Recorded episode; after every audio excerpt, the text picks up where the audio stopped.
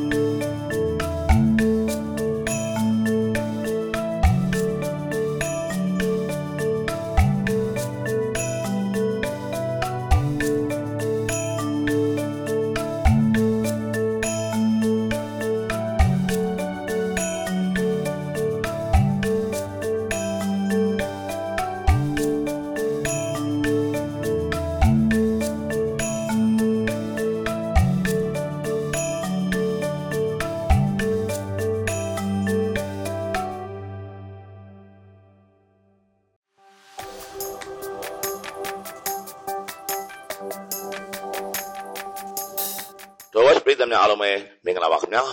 အခုဒီဘက်မှာဆိုရင်ပရီးမီးယားလိပွဲစဉ်7ကိုရှင်ပြိုင်ကစားရတော့မှာဖြစ်ပါတယ်ပရီးမီးယားလိပွဲစဉ်7မှာပွဲစဉ်ကောင်းတွေအများပြားပါဝင်နေပြီးအဲ့ဒီထဲကအသင်းကြီးတွေရှင်ပြိုင်ကစားမဲ့ပွဲစဉ်တွေကိုရွေးနှုတ်ပြီးပြည်သက်တွေအတွက်သုံးသက်တင်ဆက်ပေးလိုက်ပါတယ်ခင်ဗျာမန်စီးတီးဘုံမောက်ဘုံမောက်ရဲ့ရှေ့စွမ်းကအားရစရာမရှိတော့ပါဘူးပြီးခဲ့တဲ့သတင်းပတ်တုန်းကဘန်လီကိုအနိုင်ရလိုက်ပေမဲ့အဲ့ဒီပွဲစဉ်မတိုင်ခင်မှာဘုံမောက်က ပရီးမီးယားလိ၄ဝက်ဆက်တာအရင်နှိမ်ထားတာကိုသတိပြုရပါလိမ့်မယ်။မန်စီးတီးကကစားကောင်းတယ်လို့ပွဲထွက်ကစားသမားတွေကလည်းအရှိတ်ဆက်မိနေပါပြီ။ပရီးမီးယားလိအမတ်ပေးချန်ပီယံဆုကို၄နှစ်ဆက်တိုက်ရယူနိုင်တဲ့ပထမဆုံးအသင်းဖြစ်မန်စီးတီးစံချိန်တင်ရှင်နေတယ်ဆိုတာကိုသဘောပေါက်အောင်ပါပါ။မန်စီးတီးပဲဂိုးပြတ်နိုင်သွားပါလိမ့်မယ်ခင်ဗျာ။လူတန်တောင်လီဗာပူး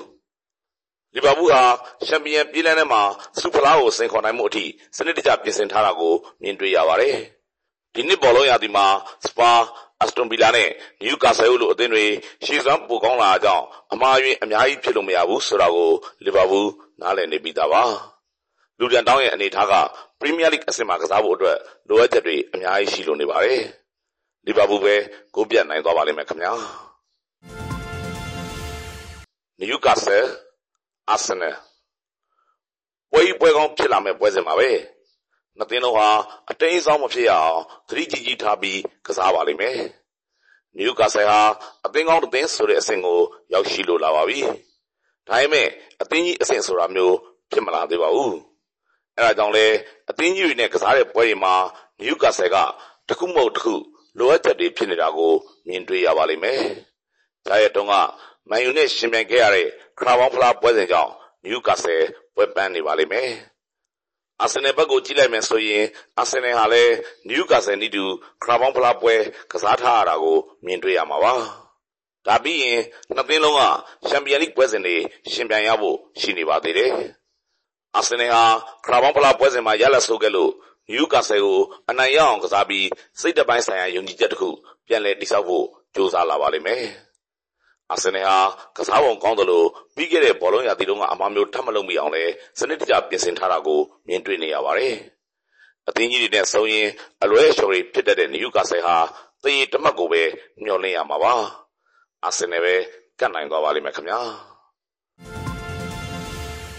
စပါရှက်စီလန်ဒန်မြို့ကန်အသင်းအချင်းချင်းအပြိုင်မဲ့ပွဲစဉ်ပါပဲ။ဒီနှစ်ဘောလုံးရာသီမှာ စပါကကစားပုံကောင်းလွန်နေပါတယ်။ အထူးသဖြင့်နီးပြပိုစတီကိုဂလူဟာစပါးကိုသူ့အလိုရှိတဲ့အတိုင်းအရှိန်တိုတိုအတွင်းမှာအထိုင်ချလာနိုင်ခဲ့ပါပြီ။ကွင်းလယ်နဲ့တိုက်စစ်အရှိတ်ဆက်မိနေတဲ့စပါးကိုရှယ်ဆီကခက်ခက်ခဲရင်ဆိုင်ရပါလိမ့်မယ်။ရှယ်ဆီဟာကစားပုံကောင်းမွန်လာပြီလို့ထင်မှတ်ထားချိန်မှာပဲဝေဖောက်သွားခဲ့ပါတယ်။ပြီးခဲ့တဲ့သတင်းပတ်တုန်းကဘရန်ဖို့ကိုအိမ်ကွင်းမှာရှုံးနေလိုက်ရတဲ့ရှယ်ဆီရဲ့အခြေအနေဟာဆိုးရွားလွန်လာပါတယ်။ရှယ်ဆီနီးပြပိုချက်တီနိုအတွက် ဒါဟာအသင်းဟောင်းကိုပြန်ရင်ဆိုင်ရမယ့်ပွဲပါပဲ။စပါကစားသမားတွေရဲ့အထာကိုတော့နီးပြပိုချက်တီနိုသဘောပေါက်ပြီးသားဖြစ်နေပါလိမ့်မယ်။စပါဟာရှုံးပွဲမရှိအောင်ကစားထားနိုင်တာကြောင့်လုံခြုံချက်ပိုင်းဆိုင်ရာမြင့်တက်လို့နေပါတယ်။ရှက်စီရဲ့အားနည်းချက်ကခက်စစ်ကြောင်းအမှားများလုံးတာပါပဲ။ရတန်မှန်နေတဲ့စပါတိုက်စစ်ကိုရှက်စီကခက်ခက်ခဲပဲဟန်တာထိန်ချုပ်ရပါလိမ့်မယ်။ အိမ်ကွင်းကစားကောင်းတဲ့စပါဟာရှယ်ဆီကိုတိုက်စစ်ဖွင့်ကစားပြီးဖိအားပေးသွားမှာပါ။အားနည်းချက်တွေရှိနေသေးတဲ့ရှယ်ဆီကိုသဘောမကျမိပါဘူး။စပါပဲကတ်နိုင်သွားပါလိမ့်မယ်ခင်ဗျာ။ဖူလန်